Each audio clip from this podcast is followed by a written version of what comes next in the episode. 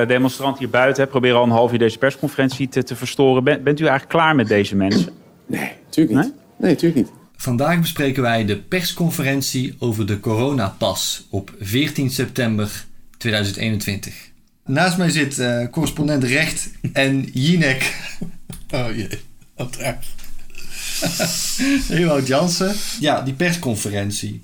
Ik had hem eh, genomineerd, zeg Ja. maar. Eh, maar we hadden denk ik ook heel goed een andere bron kunnen kiezen. Dat is wel een beetje uniek. Meestal kiezen we echt een bron omdat we die bron. Ja. aan willen vallen. En nu is het meer, denk ik, een moment waarop heel veel onzin rondom corona bij elkaar komt. Ja, Het is een soort verzamelbak. van- Vortex. Ja. ja, ik wil heel graag straks eh, wel het woord wappie gebruiken. Eh, ik vind dat ik dat mag zeggen. Ik heb onder mijn allerbeste vrienden wappies, waar ik heel veel van hou. Ja. Die niet volgens mij het punt staan om, om eh, nou, aanslagen te plegen of wat dan ook. Maar eh, waar ik me wel eh, erg zorgen over maak. En ik heb heel erg geprobeerd om ze te overtuigen. En dat is allemaal niet gelukt. Dus ik dacht nu voor een heel groot publiek te gaan overtuigen, niet te gaan overtuigen Ja. om, om het vaccin te nemen. Ehm, en ik snap ook wel een beetje, het is lekker om af en toe te roepen: fuck het systeem of zo, vanuit een soort punk onzin. Ja, ja. Dat binnenblijven bij artiesten bijvoorbeeld leidt misschien een beetje tot een soort. Maar bijvoorbeeld bij muzikanten, dat die vaak heel. eh, ja, die is echt iets afgepakt. En, en die, die zijn echt boos. En, en dat zoekt dan ook een uitweg die Hmm. niet altijd heel eh, rationeel is misschien. Ik, ik vind het altijd moeilijk, moet je nou eh, in dit soort plechtige momenten zeggen van de antivaxers of, of ongevaccineerden. Of mag je gewoon zeggen in de snelheid zo even wappie. Ik vind het zelf wel een Oh, ja. leuk woord. Maar ik snap Oh, wel ja. dat die mensen niet allemaal helemaal gek zijn. Ja. Maar komt in de buurt. Ja, er zijn, er zijn ergere scheldwoorden. Hè? Bedoel, Ja. eh, En die gebruiken zij ook voor mensen zoals jij en, jij en ik. Dus eh, ja. ja. moet wel een beetje eerlijk blijven, vind ik. Politieke correctheid moet wel van twee kanten komen. het gaat ons vooral om het vragengedeelte van de persconferentie. De eerste die aan het woord komt is de NOS. Verdacht. NOS. Zo'n stem van God die opeens NOS roept. Meneer Rutte, u noemt eh, bewust eigenlijk geen einddatum voor die coronapas. Maar wat is nou uw verwachting? Hoe lang gaan we daaraan vastzitten? Je ziet meteen de grote hobby van journalisten. Hè? Verleiden tot speculeren. Van, ja, je, je hebt al aangegeven, we weten het niet. Maar doe eens gewoon een gooien. En dan, en dan gaan ze je daar later mee confronteren. Als dan blijkt dat die, ja, dat die gok niet Ja. goed was. En dan gaan ze dat ook proberen te presenteren als een belofte die je hebt gebroken. En je ziet hier ook de media is helemaal gelijk geschakeld. Het is totaal kritiekloos. Hè, Er krijgt dan heel veel verhalen over hoe belangrijk het allemaal is. En de staatsmedia die gaan meteen van, ja, eh, hoe lang duren die maatregelen Ja. nou? En, en dat Ja. vind ik eigenlijk een talking point van mensen die een vertrouwen in dit hele coronabeleid kwijt zijn. En Ja. roepen, ik heb een naar gevoel, ik denk dat het nooit meer ophoudt en, en over tien jaar nog tien keer zo erg is. Ja. Een vriend van mij zelfs- vroeg zelfs of ik hem uitkwam zwaaien bij de, als de treinen vertrekken met de, dat, dat komt, dat, ik ben daar, ik ga, ik ga, de, ik ga ze uitzwaaien. Oh ja, Als, ik denk eh, dat jij de machinist bent. Ja. Niet de conducteur. Nee. Ja, de NOS begint meteen met een kritische vraag die ook helemaal past in het narratief van gaat dit ooit nog eindigen? Ja. En dat narratief past weer bij gaat het wel echt om het virus? Ja. Want als het echt om het virus gaat, ja, dan gaat het wel een keer eindigen. Namelijk als, dat, als die pandemie voorbij is. Of tenminste, als dat virus het, het dreigingsniveau heeft bereikt van daadwerkelijk een griepje. Ik durf dat echt niet te zeggen. Eh, je hoopt natuurlijk kort, eh, zoals ik al zei. Eh, we hebben afgesproken rond 1 november leggen we alles weer een keer op de zeef. Vegen we het op de hand, proeven we het op de tong en dan komen we jullie terug. Maar dat betekent niet dat we kunnen zeggen het is ook voorbij op 1 november. En daar heeft hij gelijk in. Hij zegt, zoals ik al zei, 1 november. Hij heeft gewoon al een datum genoemd waarop ze opnieuw gaan evalueren. Hij herhaalt gewoon een stukje van zijn persconferentie tegen iemand die waarschijnlijk niet heeft geluisterd. Want u noemt dit een versoepeling. Ik kan me ook voorstellen dat dit voor sommige mensen een verzwaring is. Nu kun je bijvoorbeeld een terras op om een kopje koffie te drinken of iets. Maar straks moet dat met die pas. Waarom is dat buiten ook? Ja, het is helaas eh, ook buiten. Het is overal, ook omdat het anders niet te handhaven is. Dus in de hele horeca binnen en buiten moet het. Ja, dit is regeren per persconferentie. Ja. Iets waar ik me al heel lang eh, druk over maak. Ja. Eh, de NOS, maar ook Mark Rutte, die gaan hiervan uit dat de persconferentie eigenlijk een soort nieuwe wet is. Hmm. En dat is heel gek. Eén, hij geeft gewoon regels, alsof dat Hmm. zo werkt op een persconferentie. En eh, het klopt ook gewoon niet. Hè, de Tweede Kamer heeft dit eraf gekregen. Ja.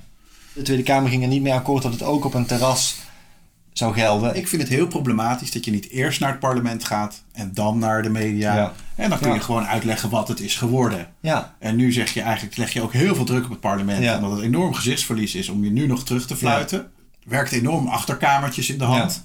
Dus dat je al zorgt van tevoren dat Ja. je een meerderheid hebt ja, die dan straks dat wel af gaat Ja. hameren. Dus ja, het is eigenlijk een, eh, een hele problematische vorm. Het is verwarrend, eh, het klopt niet, het is ondemocratisch, eh, het is in strijd met de grondwet. En, en Rutte wordt een soort president in plaats van een premier. ja, Premier betekent eerste minister. ja. Dus hij is gewoon een minister die ja, van de, binnen de ministers degene is die die vergadering voorzit. That's it. ja. Maar nu is hij opeens de baas van Nederland. Die zegt wat we allemaal gaan doen. Hm. ja. En dan naar het parlement een beetje van... Hè, probeer me maar eens tegen te houden. Dit gaan we gewoon doen. Ik heb het al gezegd. Achter alles staat dat vraagteken Ja. van de democratie. Dat vraagteken, dat maakt Rutte helemaal niet. Maar de, de media maken dat, dat ook dat vraagteken niet. Nee. We zorgen ervoor dat eh, hè, de testen gratis blijven voorlopig. Eh, en verder is het gelukkig zo dat het grootste deel van de mensen natuurlijk gevaccineerd is. En dus die QR-code al heeft eh, zonder zich te hoeven laten testen. Eh, dan wel het virus heeft doorgemaakt. Volgens mij is er een hele duidelijke consensus over eh, in de medische wetenschap. Het doormaken van het virus geeft niet de betrouwbare immuniteit die het vaccin wel geeft. Bijvoorbeeld de immuniteit tegen een andere variant dan jij gehad hebt, is heel twijfelachtig. En ook is het idee, de verwachting dat immuniteit sterk samenhangt met hoe ziek je bent geworden. Dus bijna niet ziek of niet ziek, waarschijnlijk weinig immuniteit. Heel ziek geworden, waarschijnlijk meer immuniteit. Maar ja, je wil eigenlijk niet heel ziek worden. Dus wat dan natuurlijke immuniteit wordt genoemd, ik vind dat ze meer uit zouden moeten kijken met dat presenteren als gewoon gelijkwaardig aan een vaccinatie. Zo de nadruk leggen op de zorg enerzijds, dus op de ziekenhuizen. Ja. En ook tegelijkertijd een doorgemaakte infectie gelijkstellen aan volledige vaccinatie, wekt een beetje de suggestie dat corona krijgen geen probleem is zolang je maar niet in het ziekenhuis belandt. Het is zelfs wel een soort van goed, Ja. want je krijgt immuniteit. Dat is wel onjuist. Hè? Mensen die niet naar het ziekenhuis hoeven, kunnen nog long-covid ontwikkelen. Het aantal mensen dat long-covid ontwikkelt, dat is niet een klein groepje. Eh, het RIVM zegt, volgens een eerste schatting, heeft maximaal 1 op de 5 personen vier of vijf weken na een positieve test eh, nog klachten. Recent Brits onderzoek wees in de richting dat dat bij gevaccineerden 50% lager is. Wat ik ook even wil noemen is, er is een Nederlands onderzoek, dat is nog niet peer-reviewed. Dus het is niet zo dat dat, dat nou iets heel duidelijk uitwijst, maar het wijst wel een bepaalde richting in. Rhesusapen, die werden besmet met corona, die ontwikkelden milde tot matige symptomen. Dus eh lagen niet aan de beademing of zo, herstelden weer. Vervolgens werden die apen doodgemaakt en werden de hersenen bekeken. En die hersenen hadden allemaal zogenaamde eh, Lewy bodies, dat zijn eiwithoopjes, die in verband worden gebracht met beginnende Parkinson en een bepaalde vorm van dementie, die vervolgens pas eh, symptomen zou kunnen geven na een jaar of 10, 20. En sommige coronapatiënten, staat ook in dat onderzoek van die rhesusapen, hebben Parkinson-achtige symptomen. En ook het veel voorkomende verlies van reuk en smaak is een teken dat er iets neurologisch aan de hand is. En dit zijn allemaal nog maar eerste aanwijzingen, dus ik wil niet ehm, het tegenovergestelde zijn van een te relaxed iemand en nu zeggen Ja. van jij wordt dement als je heb je corona gehad, dan word jij dement of zo. Helemaal niet. Ehm, maar het zijn wel aanwijzingen in de richting dat een ziekteverloop zonder ziekenhuisopname nog niet betekent dat alles top is en dat je met Ja. de schrik vrij bent gekomen. En, en die sfeer proef ik iets te veel in de Ja, overheidscommunicatie. zij hebben natuurlijk gewoon gezegd: wij willen dat de zorg niet overbelast raakt. Ja. Dat is de hele tijd het verhaal geweest. Ja, uiteindelijk komt het neer op ehm, welk risico voor de volksgezondheid ben je bereid te accepteren. Ja. En misschien zijn ze dit bereid te accepteren, maar dan zou ik het wel fijn vinden als ze dat zouden zeggen. RTL gaat nu vragen stellen over werksituaties, ook voortbordurend op de, het begin van de persconferentie. Ik hoor u zeggen eh, dat het zo zou kunnen zijn dat in de zorg en ook in andere werksituaties gebruik gemaakt gaat worden van het corona-toegangsbewijs. Hoe, hoe gaat dat eruit zien en over welke werksituaties gaat het dan? Even, ik haal ze even uit elkaar. Allereerst de zorg. Kijk, in de zorg speelt natuurlijk nog iets extra's ten opzichte van andere werksituaties. Namelijk, je bent als werkgever niet alleen verantwoordelijk voor je mensen, maar je bent daarnaast ook verantwoordelijk voor de patiënten die aan je zijn toevertrouwd. Zijn werkgevers buiten de zorg niet verantwoordelijk voor de veiligheid van bijvoorbeeld klanten die in contact komen met hen of met hun werknemers? Ben je dan helemaal niet als werkgever Nee, je hebt toch heel voor veel ondernemingen die, die hè, vanzelfsprekend eh, kwetsbare klanten hebben. Ja, Dan moet je vervolgens natuurlijk zeggen, als mensen niet gevaccineerd zijn, ja, dan moet je je eigenlijk gewoon elke dag ja, laten testen om hier te kunnen werken. Dat zou je moeten kunnen zeggen als werkgever. Maar ja, hoe controleer je dat dan vervolgens? Nou, dan kom je al vrij snel uit bij, hé, hey, daar hadden we iets heel praktisch voor, namelijk die, die corona-toegangsbewijzen. Maar dat kan niet zomaar op basis van de huidige wet. Want dat is namelijk een vorm van registratie. En registratie mag gewoon niet op grond van de huidige wet. Als je kijkt naar de autoriteit persoonsgegevens, die handhaaft de AVG. Dus die gaat over die regels. En dat is duidelijk de wet die hij hier bedoelt. Dat blijkt later. Wat zegt de autoriteit persoonsgegevens? De autoriteit persoonsgegevens kan niet overal antwoord op geven. Dat is het antwoord. Ja, Ja, Hugo de Jonge wel. Die zegt gewoon, mag niet. ja, ja. Ehm, wat zegt de autoriteit persoonsgegevens? Of iemand wel of niet gevaccineerd is, is een gegeven over de gezondheid van die persoon.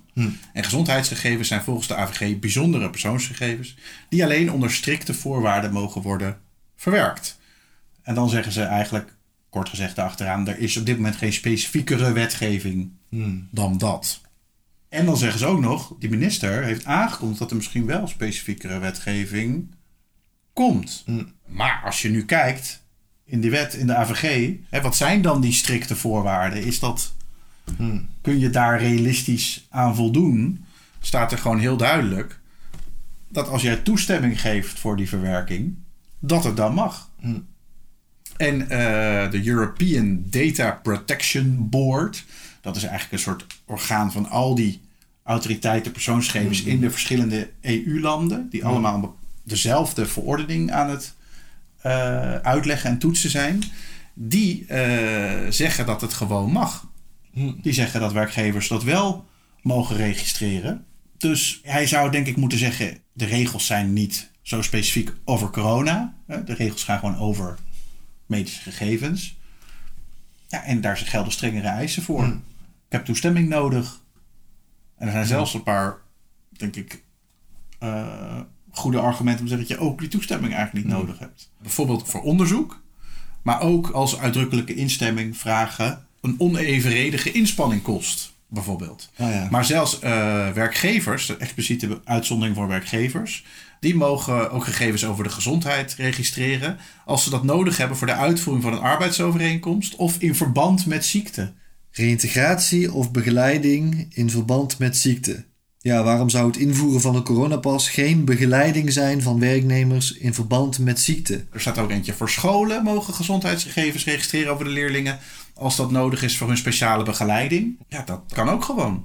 Dus dat zou een wetswijziging betekenen. En ik wil graag eh, met eh, de partijen ook in het veld eh, verkennen op welke manier die wetswijziging eruit zou moeten komen te zien. Dat die ook praktisch bruikbaar is voor de zorg. En dan gaan we daar eh, mee aan de slag. Als een mogelijkheid, niet als een verplichting. Want ik wil werkgevers niet daartoe verplichten. Je geeft net aan patiënten kwetsbaar, dus er is echt een reden om daar te gaan kijken Ja, of dat mogelijk is. Maar we gaan het niet verplichten. Dus als er een zorginstelling die is die zegt, wij checken niks, we hebben kwetsbare mensen, wij checken helemaal niks, kom maar binnen, je hoeft niks te laten zien. Voor mijn part heb je nu corona. Dat mag van Hugo de Jong. Dat wou ik gewoon even constateren. Wat verplichten? ja daar beginnen we niet aan. Daar, daar beginnen we niet aan. In de zorg, wel in het café. Tuurlijk. Twee is, ja, zo'n corona-toegangsbewijs. Nog even los van al die andere dingen die wel voor de zorg gelden, maar niet voor eh, andere werkgevers. Zo'n corona-toegangsbewijs is denk ik voor meerdere werkgevers heel praktisch. Hè? Als zij zouden willen weten in het kader van hun, hun werkgeverstaak, van ja, hoe creëer ik een veilige werkomgeving? Bijvoorbeeld, bijvoorbeeld iemand die ernstig ziek is geweest en die moet reïntegreren. Hoe creëer ik dan een veilige werkomgeving? Maar dat kan niet. Op basis van de huidige wet kan dat niet. En of we dat willen doen, en ook hoe we dat zouden moeten willen doen, eh, wil ik graag met werkgevers, maar ook met vakbonden in gesprek. Eh, en willen we ook wetstechnisch kijken wat daar mogelijk is. We hebben het besluit nog niet genomen dat we het gaan doen. Maar ik vind de vraag die werkgevers hebben gesteld wel reëel. Ja, ik denk dus dat ze, de werkgevers gewoon bij de rechter heel veel kans maken dat het gewoon mag. Daar komt nog bij, er is in ieder geval helemaal geen praktische grens aan. Ik heb het gevoel dat nog niet iedereen dat helemaal eh, door heeft, maar eh, iedereen kan het gewoon scannen. Ja. Je kan gewoon in de Apple Store eh, kun je het downloaden en dan. eh, Ja, of de Google Play Store. Ja, ik heb hem even gedownload. Er staat ergens wel van, joh, kijk even wanneer je dit, dit mag gebruiken of zo. Maar ik kan gewoon nu jouw QR-code scannen. Ja. Je hebt een geldige code. Oké. Je bent J. Oh ja, dus zo ziet het er nou uit. Maar dat gaat ook wel een stuk verder dan alles wat u tot nu toe heeft gedaan. Want een, een werknemer kan niet zeggen, nou, ehm, ik kom morgen niet naar mijn werk, eh, succes ermee, omdat ik niet wil zeggen dat ik gevaccineerd ben. Ja, maar we kunnen toch niet gaan hebben dat de werknemer gewoon niet meer naar zijn werk kan, omdat hij niet voldoet aan een pandemie, pandemie-gerelateerd veiligheidsvoorschrift. Ik denk, Ja. nou, eh, ja, jawel. eh, Ja. Hallo. Ja, er zijn wel Ja. gekkere dingen. En overigens, hè, die QR-code, je kunt aan die QR-code niet zien of iemand gevaccineerd is. Je ziet alleen of iemand of gevaccineerd is, of getest, of genezen in de afgelopen zes maanden. Zou het een optie zijn voor de horeca? Want eh, nu moet daar getest worden voor toegang. Eh, of je moet een vaccinatiebewijs laten zien. Maar dat geldt niet voor het personeel. Klopt. En dat is ja, omdat de horeca in een werkgever-werknemerrelatie zich aan dezelfde regels heeft te houden als eh, iedere andere werkgever. En dan geldt de AVG die zegt er zij geen registratie van iemands vaccinatiestatus. Althans van iemands medische status. En de vaccinatie zou je als onderdeel daarvan kunnen zien. Nou, dat staat gewoon niet in de AVG. Dus hij zegt de AVG zegt dat en de AVG zegt dat niet. De AVG zegt alleen een medisch gegeven is een bijzonder gegeven. En dat is een vrij lange lijst. Hè, En dat is ras, etnische afkomst, politieke opvattingen, religieuze of levensbeschouwelijke overtuigingen, lidmaatschap van een vakbond, genetische gegevens, biometrische gegevens. Nou, dan komt gegevens over de gezondheid. En als laatste seksueel gedrag of seksuele gerichtheid. Maar de AVG zegt helemaal niet, er zijn geen registraties. Bedoel, we kunnen natuurlijk allemaal, Ja. we weten dat er lijstjes zijn in Nederland van mensen die lid zijn van een vakbond. Ja. Eh, of, of mensen lid zijn van de PvdA. Ja. Of, of, of er zijn zoveel Ja. van dit soort lijstjes. Ja. Eh, blinde mensen, dove mensen. Er zijn allemaal lijstjes van. Eh, en er gelden wel wat zwaardere eisen aan die verwerking. Bijvoorbeeld dat je heel expliciet die toestemming moet gaan vragen. Hè, want ik wil dit nu vast gaan leggen. Maar het idee dat er staat... er zijn geen registraties van iemands gezondheid... Natuurlijk wel. Ja. Het is ook heel kwalijk wat hij hier zegt, hè, dat de AVG pas speelt als het een werkgever-werknemerrelatie Oh ja. is. De AVG speelt de hele tijd. Ja. Dus Oh ja, die inderdaad, komt helemaal ja. niet in werking als er een werkgever-werknemerrelatie speelt. Dus dat, dat is ook gewoon fout. Je hebt wel een bepaalde uitzondering waar de werkgever zich nog extra op kan beroepen. Maar dat maakt het alleen maar makkelijker voor die werkgever, niet moeilijker. Mm. Dus waar komt dit nou vandaan? Ja. Dus Hugo de Jonge beweert dat de AVG zegt... horecaondernemers mogen wel gezondheidsgegevens registreren van hun klanten... maar werkgevers mogen dat absoluut niet van hun werknemers. In werkelijkheid zegt de AVG... met toestemming mogen ze het allebei... en de werkgevers mogen het misschien ook nog zonder toestemming. Dus de werkgevers hebben juist meer vrijheid. Hij oefent invloed uit de rechter. Ja, Door gewoon zo hard te roepen, dit is zo en er komt concrete regelgeving aan. ja, En de rechter die moet het roeien met de riemen die hij heeft. En die mag niet zeggen, ik wacht concrete regelgeving af. Ja. En die moet gewoon met die begrippen die we net hadden, heb je dan toestemming gevraagd. Hmm. Eh, heeft het misschien verband met eh, ziekte van een werknemer. Eh, En aan de hand daarvan moet de rechter gaan beoordelen of het wel of niet mag. SPS, aansluitend Telegraaf. Meneer Rutte, u kiest ervoor om om 12 uur s'nachts de nachtclubs en de horeca te sluiten. Als de nachtclubs om 12 uur s'nachts dicht moeten, dan gaan mensen doorfeesten thuis. Dat mag ook gewoon. een deel van de mensen wel... Ja, maar vermoedelijk niet iedereen. ja, tuurlijk. En ook... dit Maar daarom is- vinden mensen het ook irritant. Dus het is zo, zo onzinnig. Ja, ja. En dit is ook zoiets dat je kunt zeggen over bijna iedere maatregel. Er is een omweg. Een deel van de mensen gaat die omweg bewandelen. Een deel daarvan gaat het met succes doen. dus die hele maatregel hoef je niet... hoef je Ja, niet dus je kan net zo goed niks doen. Ja, precies. Dus- En dat is precies waar deze man nu heen gaat. Ja, zeker. Dan En is dat ik- risico toch net zo groot. Je hebt niet 100% van het risico weggenomen. Dan is het risico niet net zo groot. Ja. Dat is hetzelfde als met gevaccineerden kunnen het ook verspreiden. Inderdaad, gevaccineerden kunnen het virus bij zich dragen en die kunnen het ook verspreiden. Dat is allemaal nog juist. Alleen de conclusie die eraan wordt verbonden is gevaccineerd, niet gevaccineerd, eh, daarop controleren, allemaal onzin. Want je neemt niet 100% van het probleem weg. Dat is gewoon zo stuitend als de kans op transmissie gewoon Ja. dik, dik laag Ja. is. Dan kun je toch niet zeggen van ja, maar het kan nog steeds, dus Ja. laat maar. Het is een beetje als zeggen van... eh, ja, weet je, we hebben regels voor dat je niet dronken achter het stuur mag zitten. En eh, dat, daar testen we dan op. Eh, ik weet niet of het je wel is opgevallen... maar mensen die gewoon nuchter zijn, die eh, rijden soms ook... eh, hè, maken ook aanrijdingen. Dus je kan het zo goed eh, niet Ja, dus- goed dronken achter het stuur zitten. Dan krijg je wel de situatie dat festivals en evenementen buiten wel tot diep in de nacht door mogen gaan, maar dat de horeca daar om 12 uur s'nachts moet stoppen, toch? Is dat een soort stimulering voor de branche van drugsdealers? En waar is de kritiek? Waar is de kritische Waar is houding? de kritiek van de media, ja. Ja. Dan moet je echt voor naar obscure podcast, denk ik. Ja, ik- Ja. het gaat al eh, eindeloos dit, dit, dit aan Ja. de hand van... Ja, maar is het nou helemaal logisch? Nee. Hier gaat de drugswereld van profiteren. Ja. Ja, volgens mij profiteren die nog wel van iets grotere misstanden. Waar je misschien betere vragen over kunt stellen dan op een andere persconferentie misschien. Of, zo, of, in de, of in, op tv-zender. Ja, het is, Maar- het is een beetje iemand die in de verkeerde zaal staat eigenlijk. Ik wil het graag hebben over drugsdealers. Ja. Ik ben de, ik ben de correspondent. Drugs, ik ben correspondent drugs. Meneer De Jonge, nog een vraag. U had gisteren een gesprek met de evenementenbranche... en u vroeg daar of ze eh, misschien wel even zouden kunnen wachten met die dansfeesten. Waarom vroeg u dat? Het OMT-advies. Het OMT-advies zegt, we moeten leren van die discopiek op de rand van eind juni. Die vergelijkbare settings als in de nachthoreca moet je eigenlijk niet willen. Bijvoorbeeld dancefestivals. En ook uit solidariteit natuurlijk met die horecasector... lijkt het mij niet meer dan logisch dan ook die vraag eh, te stellen. Er is namelijk een alternatief om aan dit, aan dit OMT-advies tegemoet te moeten komen. En dat is dat je op een juridische manier probeert te beschrijven wat er dan allemaal niet meer kan. Maar er zijn natuurlijk veel meer partijen die daar dan onder gebukt gaan... dan dat je gewoon zou zeggen, nou dan maar de dance-event Wat bedoelt hij hier met juridische, een juridische manier? Ik denk dat hij eh, bedoelt, en dat is ook die vraag geweest, dat dansen, en zeker met z'n allen dicht bij elkaar dansen, dat heeft in die piek speelde dat Ja. een rol. Dat is dat hij gedacht heeft, ja, we kunnen ook gewoon zeggen, niet dansen. Oh ja. Maar dan moeten we dansen op een Oh, juridische ja. manier gaan omschrijven. Ja. Ja, en dat, ja, dat is. eh, Kan je dat nou? Ja, dan denk ik van zo'n kul gewoon. Je kan gewoon Ja. in de wet zeggen dansfeesten. Ja. Eh, hè, en je zal zelfs nog kunnen zeggen waarvoor je. Hè, je kan ook een doel meegeven bij die uitleg van dansfeesten waarbij de kans op verspreiding hoger is. Die eh, vallen onder bepaalde regels. Ja. En dan kan de rechter gewoon daarmee aan de slag. Ja. En als je dan zegt, ja, is dat dan ook eh, ballet? Eh, nou ja, dat OMT-advies ging vooral over mensen in disco's die te dicht tegen elkaar aandansen. Mm. Dus ja, acht ballerina's op een heel groot podium. Ja, vind ik wat minder. Ja, whatever. Weet je, Ja. de rechter komt daar heus wel. Ja, goed, je denkt toch ook na van wat zou eigenlijk de schade zijn op het moment dat je dat in juridische taal probeert te vertalen, wat er dan allemaal niet meer mogelijk is.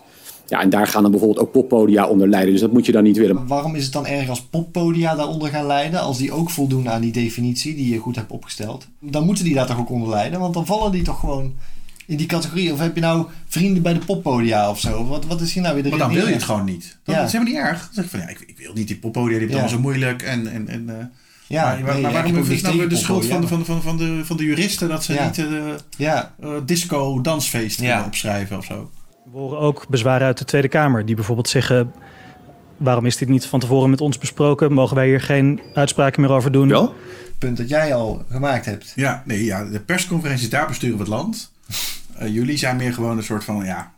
Ja, rubber, rubber stamp. Eh, Over alles? Dat is door de Tweede Kamer vastgesteld, hè? al een aantal maanden geleden, daarom wordt die ook al gebruikt. Dan heeft hij het over het corona-toegangsbewijs. Verschil is wel dat die nu een stuk breder ingezet wordt natuurlijk. Hè? Ja, maar net zo breed, niet breed deur, nee, net zo breed als dat de wet ook toelaat. Je hebt hem vaker nodig, je moet hem vaker laten zien. Als je dingen wil doen, Nee. als je naar de kroeg wil, Nee, net zo breed als dat de wet toelaat. Dat is gewoon wel zo. Ja, dat is wel zo. Vreemd.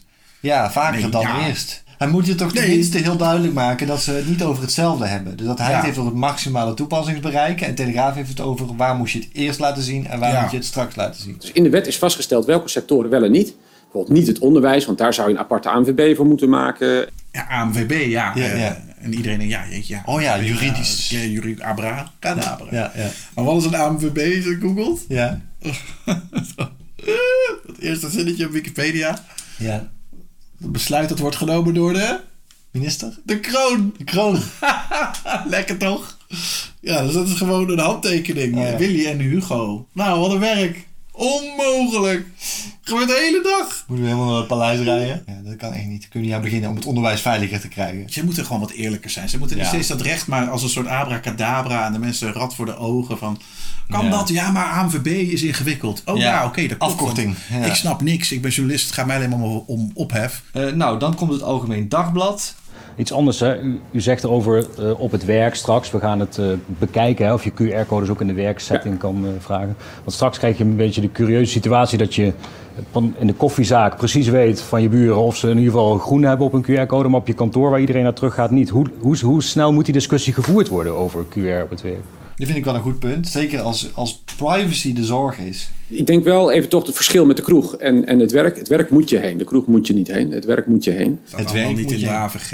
eh, het gaat er gewoon om wat voor soort gegevens ze zijn, of ze verwerkt worden. That's it. Ja. Helemaal niet of jij een werkgever bent of een werknemer Ja. bent of whatever. Maar om het ook even als argument gewoon te behandelen, los van de juridische lading. Het is een mens dat aan twee kanten snijdt. Want je mensen die bijvoorbeeld niet gevaccineerd zijn, die kunnen zeggen: Ik wil die controle niet, ik ga niet naar de kroeg.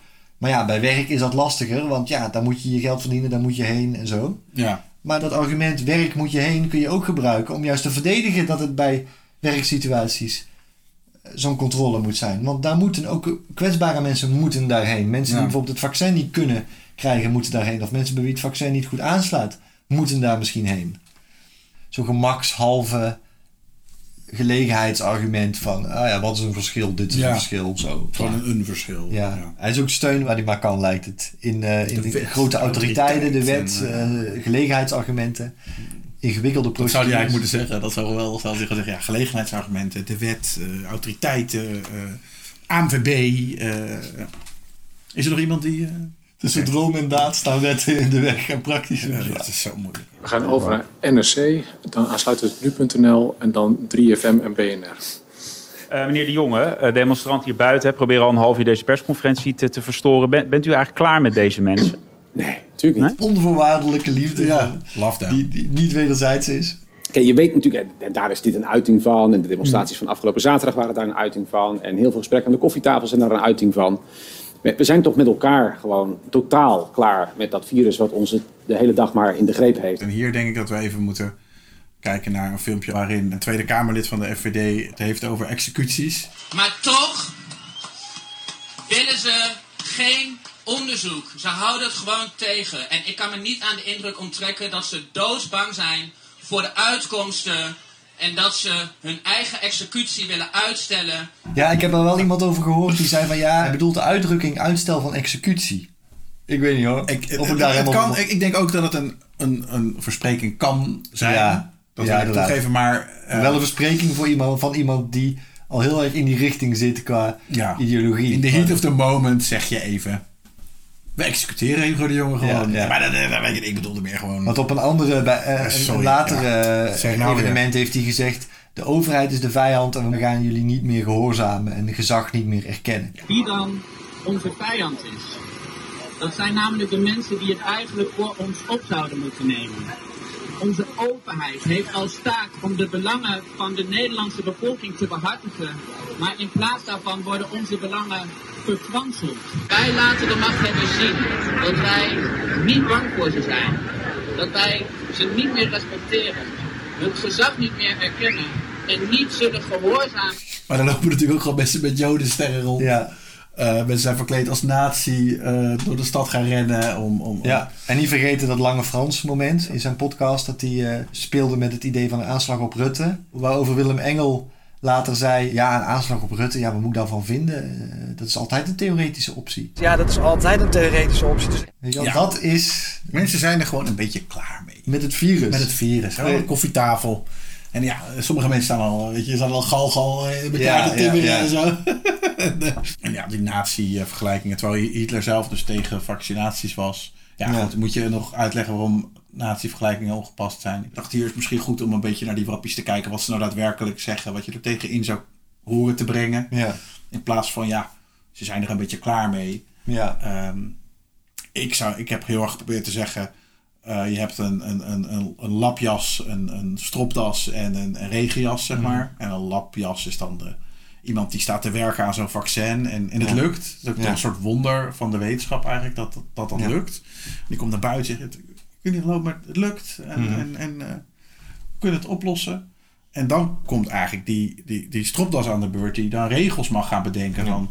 Nou, gaan we kijken of iedereen het neemt. Of, of Ja. moeten we dat een beetje helpen. Of, Ja. en als jij boos bent op die stropdas. Je zegt, ja, jij gaat mij veel te ver. Mhm. Kan wel, het kan wel werken, maar ik vind dit gewoon veel te heftig wat jij allemaal doet. Ja, ehm, of je bent boos over dat die, die, die regias, dat die ook daar te veel in meegaat. Door de journalist. lijkt me. Ja, dan moet je niet die, die, die, ja, die lab. Je, je moet het niet allemaal op één grote hoop Ja. gooien. Kritiek op de overheid is geen kritiek op het vaccin. Hè? En ze maken er natuurlijk een mengelmoes van, want ze hebben niet alleen maar kritiek op de overheid. Ze hebben kritiek op de overheid dan weer, dan weer op het vaccin, dan weer op de journalisten. En, Het is constant dus, balletje, balletje ja. tussen, tussen de wetenschap, de, de media en Ja. de regering. En als je zegt, joh, maar de Hugo de Jonge die zegt dan niet, ja, maar de farmaceutische industrie. eh, en je maar de farmaceutische industrie, dat, dat, dat bedoel, er zijn heel veel grote problemen Ja. als het gaat om de financiering. Maar uiteindelijk, eh, die, die stoffen die zijn toch werkzaam. Die Ja. labs van nu zijn toch beter dan in de jaren Ja. zeventig. Ja, dat is allemaal wel zo. Maar eh, de media weer. Ja. Dus je kan, ja, als je die drie ballen verschuift en ook nog enorm vraagtekens zet bij of dit wel het echte verhaal is. Of het niet allemaal glijde schaal is. Ja.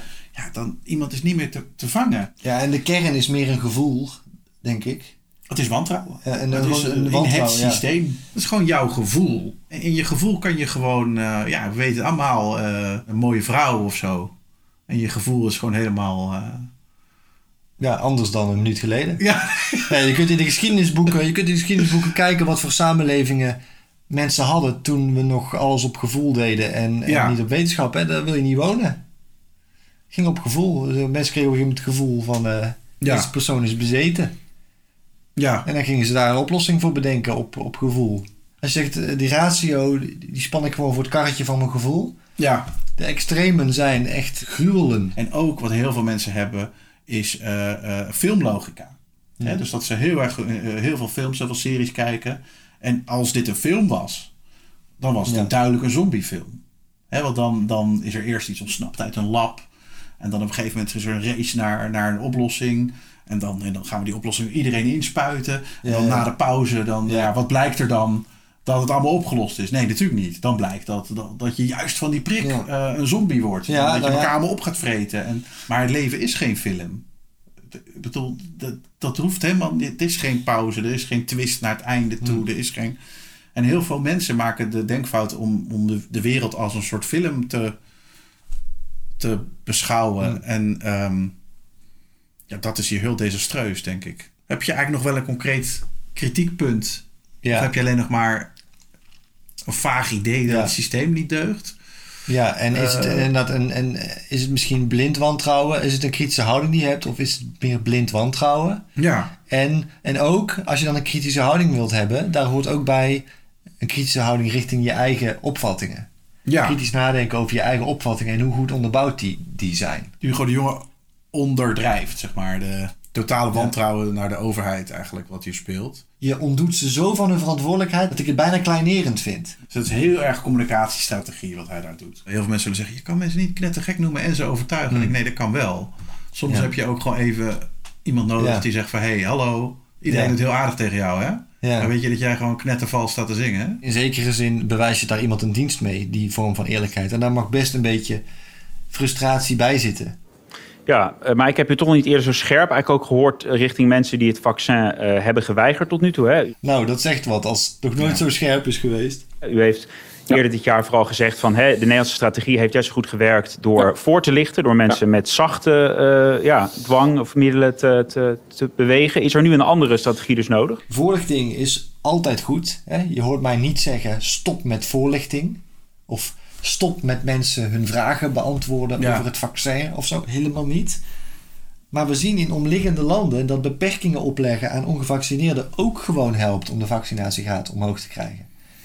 Dus ehm, die Nederlandse strategie ehm, is niet de enige, niet, op zijn minst niet de enige strategie die zou kunnen werken. Er zijn ook heel wat mensen onder die helden die als zij dingen die zij hier leuk vinden niet meer kunnen doen, gewoon een vaccin gaan halen dan.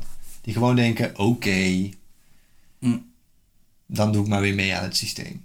Nou, ik, ik denk dat we eh, gewoon eerlijk moeten zijn. En dat ehm, we natuurlijk tegen elkaar moeten zeggen... eh, vaccinatie is een vrije keuze. Dat blijft ook zo. Eh, Natuurlijk. Ja, is in andere landen niet zo natuurlijk. In de VS, waar ze toch behoorlijk op persoonlijke vrijheid gesteld zijn, daar is het gewoon verplicht om kinderen tegen mazelen te vaccineren, bijvoorbeeld. Ja. Dus kom je het kinderdagverblijf gewoon niet in. Nee, maar, maar dat zit het vaak in dat soort dingen. Het is niet die, die, die persoon die jou vasthoudt. Oké, maar dat, eh, maar dat is ook wel het aller. Daar, daar wordt ook vaak wel heel snel naartoe gegaan, vind ik. Als iemand Ja. het heeft over we mogen wat meer dwang toepassen, dat er dan meteen wordt gezegd: oké, dus jij wilt mensen vastbinden op een stoel. En, Ja.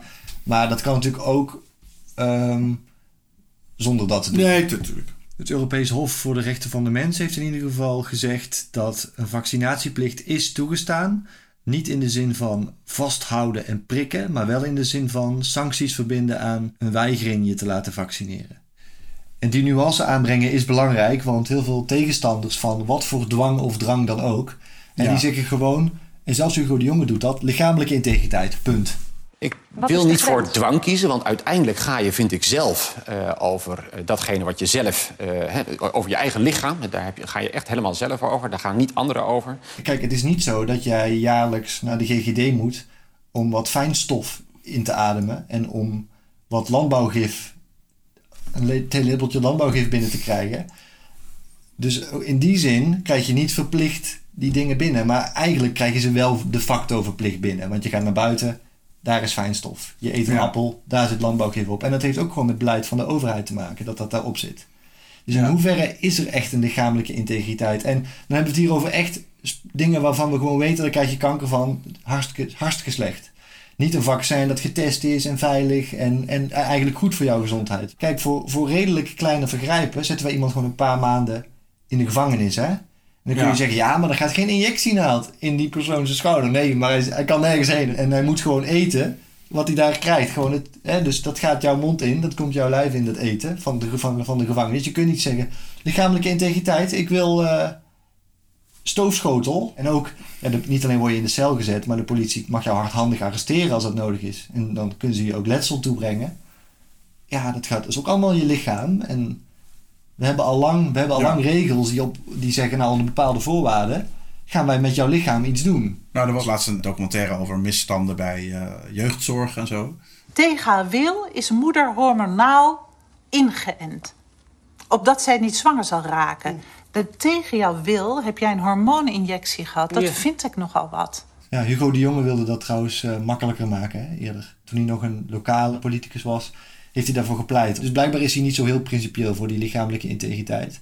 En ook als we lichamelijke integriteit even heel serieus gaan nemen en echt gaan behandelen als dat onaantastbare ding dat het wordt gevonden door de antivaxers, dan zou je ook Ja. moeten zeggen, bron- en contactonderzoek, als jij besmet bent door iemand, dat moet misschien een strafrechtelijke component krijgen. Eh, ik ben daar niet voor, maar als je echt gaat zeggen, daar stopt, weet je wel, daar Ja. begint en eindigt alles. Ja, dan mag je andere mensen niet besmetten. Ja, dan mag je andere mensen ook niet besmetten, nee. Want dan hoef ik, dan hoef ik, hoef ik ook niet te accepteren dat andere mensen hun virussen bij mij naar Ja. binnen brengen door mij een slechte mop te vertellen in een kroeg.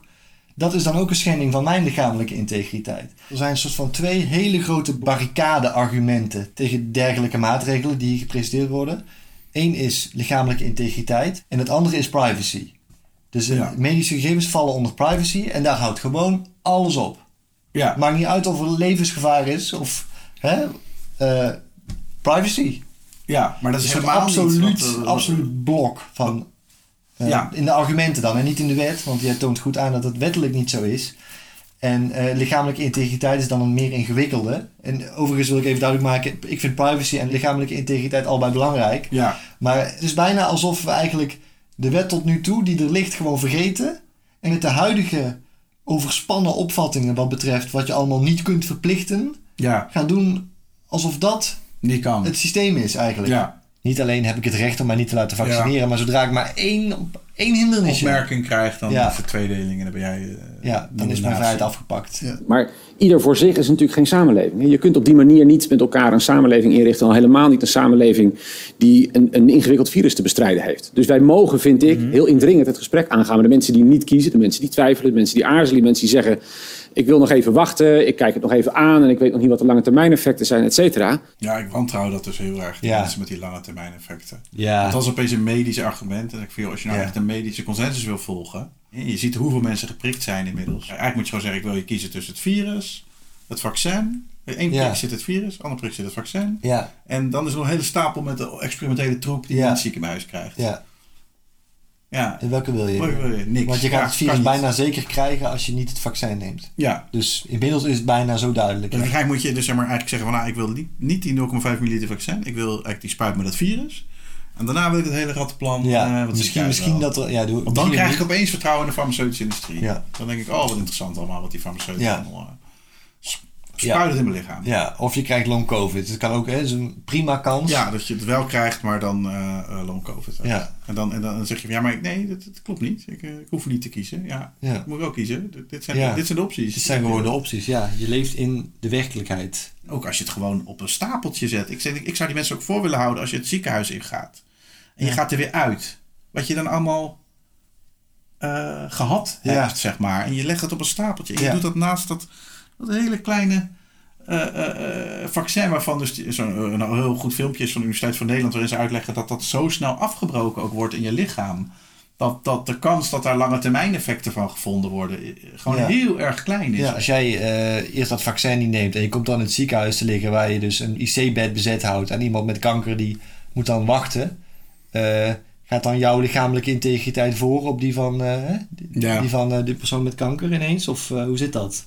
Tot slot vragen mensen zich misschien wel af, waar, waar eindigt dit? Hè? Nu misschien de coronapas weer voor een paar maanden. U heeft eerder beloofd, eh, voor 1 september, of hè, rond 1 september zouden we eigenlijk toch wel van alle maatregelen af kunnen.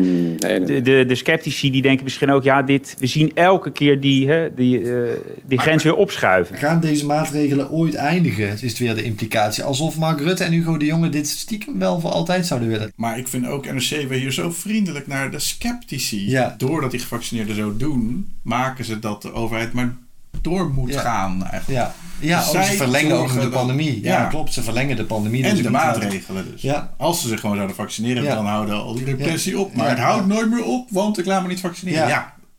Daardoor houdt het nooit op. Ook dat. En zij eh, voelen zich zo geroepen om die mensen gerust te stellen. Dat ze geruststellingen gaan doen die ze eigenlijk niet kunnen doen. En daarop Ja. terug moeten komen. En dan is dat weer bewijs van het opschuiven. En, ja. ja, ergens ook ongepast en heel veel mensen dood. En het enige wat je vraagt is, zijn we nou nog een keer van die maatregelen af? En niet van, besef eh, van de ernst spreekt ook eh, uit. Waarom gaan er geen vaccins naar de derde wereld? Eh, wij, wij, wij hebben het al over de derde prik Ja. eh, in Nederland. Terwijl er zijn er allemaal landen waar, waar de eerste prik nog helemaal niet rond is. Ja. Dat, dat, dat zou ik veel eh bevlogenere, betere vraag vinden. Ja. En dit is heel erg zo van, ja, we hebben toch mensen in Nederland hebben toch wel last van al die maatregelen. Ja. Nou, dan komt nu 3FM. Oh ja, daar, heb ik ook, daar werd ik helemaal gek van. Meneer Rutte, hallo. Ik ben Luc van 3FM, ik ben nieuw hier. Ehm, en eh, mijn collega's en ik, wij spreken elke dag de luisteraar van 3FM. En die houdt van festivals, die houdt van, van, van dancefeesten, van concerten. En die houdt van festivals. Die houdt van dancefeesten. Van concerten. En dan gaan allemaal mensen dood. En vooral in de derde wereld. En, en die krijgen lekker geen vaccins. Die kunnen allemaal lekker doodgaan. Maar Ja. 3FM is gewoon vet gaaf. En wij willen gewoon lekker gaan feesten. Ja, Ja. Wat bazel je nou? Ja. Wat doe je daar gewoon? Ja. Waarom ga je zeggen van onze luisteraar en wij van 3FM, 3FM... Veel sowieso eerder bij die 3FM bespreken. Zij zijn Ja. ja. bij een van de communicatie-eikel daar... die tegen iedereen zegt, je moet wat je ook doet... je zegt eerst drie keer 3FM. Eh, Die zit, die zit nu thuis en die, die is gefrustreerd. Wat zou u tegen, tegen die luisteraar willen zeggen? Allereerst dat ik, dat ik het snap. Ja, snap ik, snap ik, ja. Ja, ja. Eh, meneer Rutte, de luisteraar van BNR, die houdt van andere dingen. Eh, die Oh. houdt eh, bijvoorbeeld van ondernemerschap. Gewoon mensen zijn hun ouders kwijt en zo. En dan gaan we hier zo'n beetje van... Wij zijn gewoon heel vet tof met ondernemers bezig. Ja, Ja, wat ja. lul je nou gewoon? Ja. Ik kijk een beetje hier bij BNR en 3FM... een soort van... Dat is een soort van reclame. Dat ze Ja. een soort marketing komen doen Ja. of zo. Ehm, nieuwsuur. Maar begrijpt u dan ehm, de zorgen in de Tweede Kamer, maar ook buiten in de maatschappij hier buiten, dat eh, de invoer van die coronapas ook zorgt voor een tweedeling? Of misschien wel een verdere tweedeling? Dit is ook heel kwalijk, hè? Ja. Nieuwsuur. De maatschappij is- staat niet hier buiten. Er staan een paar gekken op een, op een pand te slaan. Ze hopen dat wappies of, of, of eh, toch denken... Nou, Nieuwsuur was hartstikke kritisch. Maar dat Ja. gaat nooit gebeuren. Want jij bent de main, mainstreamer dan mainstream gewoon. Het is nota bene de publieke omroep. Hè? Dit is misschien wel de meest pro-antivaxere vraag. In, Ja.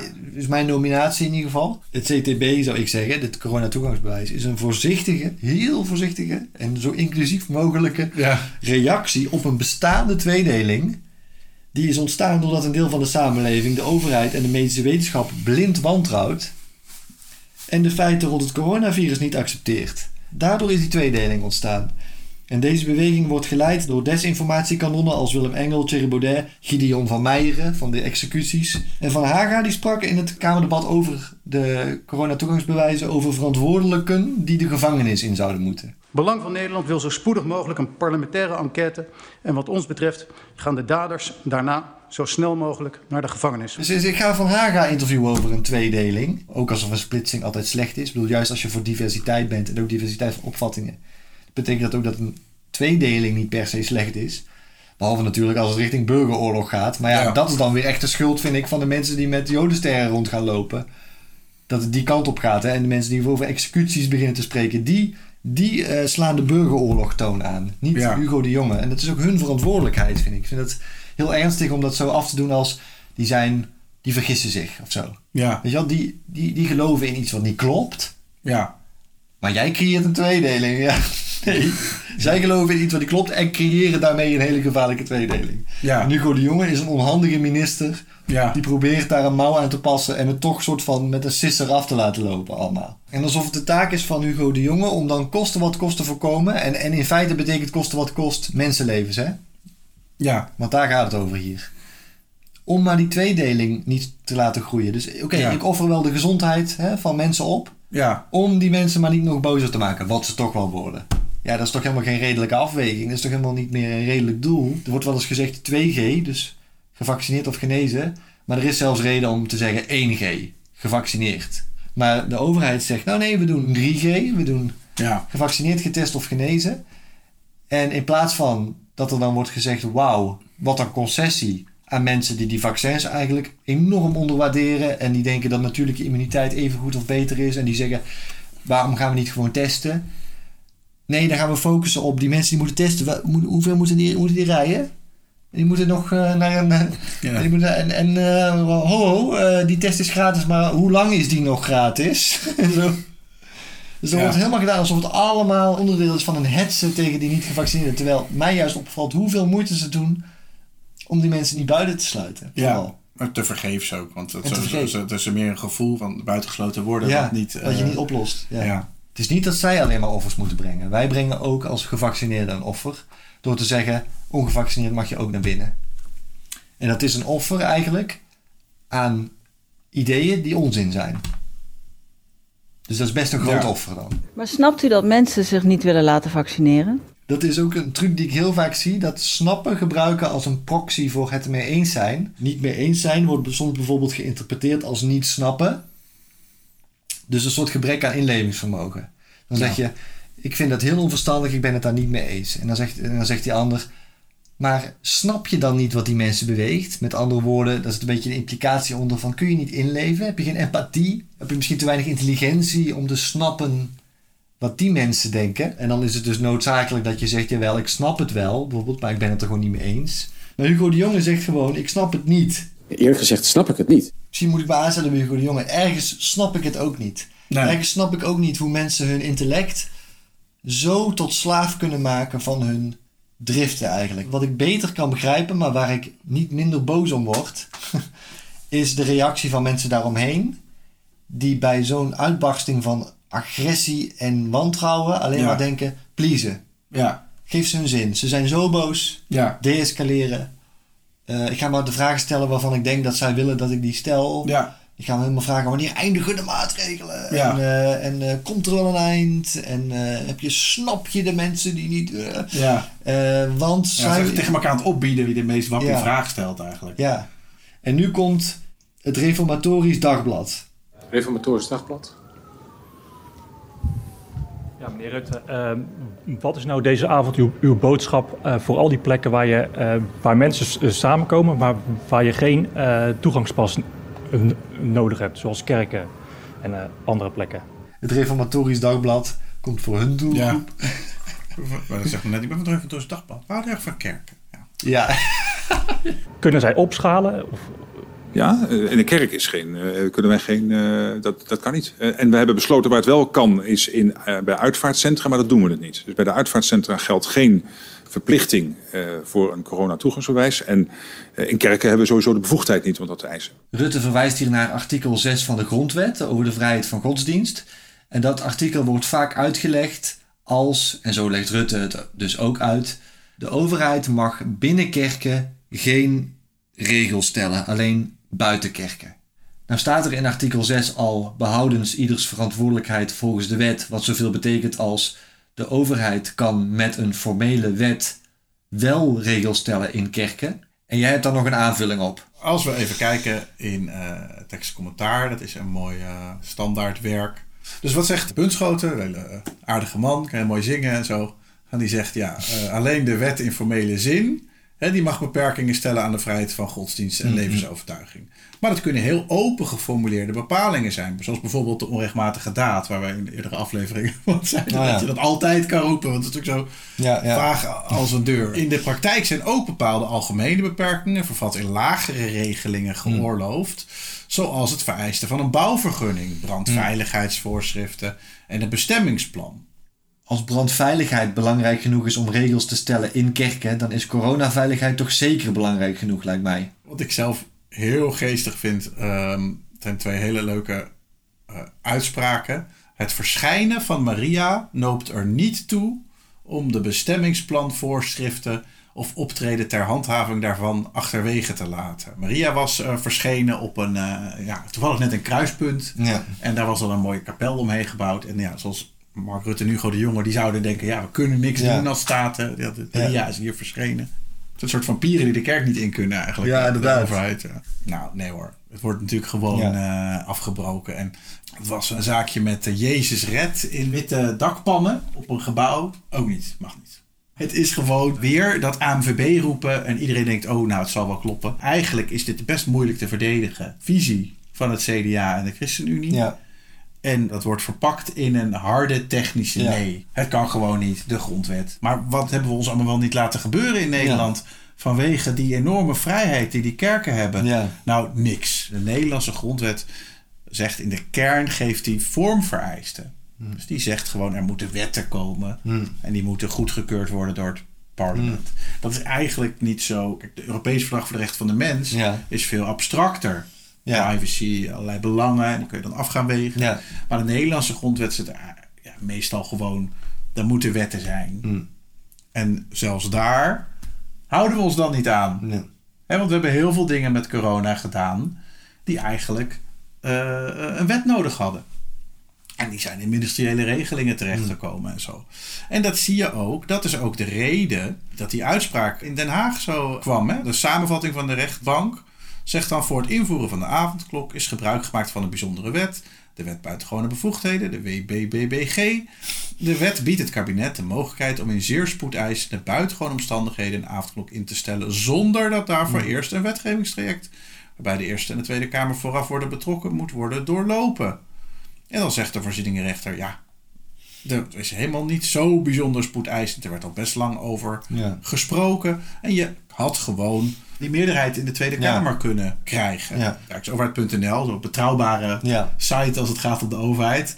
Die geeft aan, hè, we hebben met een coronawet allemaal noodverordeningen vervangen. Hè, dus we hebben een soort wettelijke basis gecreëerd... voor dingen die allemaal in die ministeriële regeling... In AMVB's Ja, ja. stonden. Opportunistisch omgaan met de grondwet. Dat kun je ze absoluut verwijten. Constitutioneel hele goede kritiek over eh, ja, hoe dat geregeld is. Dat negeren ze gewoon. Hele slechte, overdreven onzin over de grondwet en kerken. Hmm. Daar gaan ze gewoon volledig in mee. En dat instrumentalisme van de grondwet is er gewoon voor mij... om in deze persconferentie moeilijke vragen te Ja. eh, ontduiken. Ja. Eh, of om even snel dingen te regelen. Eh, ja, dat is wel een, een vervelende manier om, om om te gaan met de grond. Want dan Ja. wordt het gewoon een beetje... eh, de hele waarborg die we dan hebben, die, eh, Ja. ja, die haal je ook nog weg. Wat ik wel interessant vond toen we deze bespreking planden, is dat wij heel veel kritiek hebben op Mark Rutte en Hugo de Jonge en op deze Ja. hele persconferentie. En best wel fundamentele kritiek op hoe zij te werk gaan. Maar het meest controversiële aan deze persconferentie, namelijk dat die QR-code wordt ingevoerd en dat de andere beperkingen van kracht blijven, dat zijn wij eerder geneigd te verdedigen. Ja, het echte onrecht is gewoon, en het heel gevaarlijk is het ook, dat in de derde wereld, die term dan, maar is toch nog steeds actueel dan blijkbaar, Mm. Ja, ja. dat virus zo rond kan gaan en al die mutaties kunnen ontstaan. Bij deze persconferentie had je denk ik vooral moeten vragen, ja maar buitenlandse mensen dan, Mm. die hier in Nederland zijn, mogen die dan niet meer meedoen aan het openbare leven, omdat ze toevallig in een land zitten dat niet goed is aangesloten op die coronapas. In de farmaceutische industrie, eh, die je niet wat harder aanpakt met dwanglicenties. Ik bedoel, de farmaceutische industrie mag van mij zomaar miljoenen eraan verdienen, maar geen miljarden. Dat hoop je dat, dat de media doet. En niet dat de media denken van ja, we worden. Nou, we krijgen nou zoveel verwijten dat we, dat we niet kritisch zijn. Dat hebben we iets heel onredelijk doen. Ja. Natuurlijk, als iets technisch is, als het juridisch is, ja, dan kunnen we niet doorvragen. Juridisch klinkt ook bijna als een, minuut. als een hele moeilijke taal uit het Midden-Oosten of zo. Het is juridisch. Ik kan dat niet spreken. Hou nou op zeg. Weet je, dat, dat gaan wij toch niet volgen? We volgen niet de wetgevende macht. we volgen persconferenties.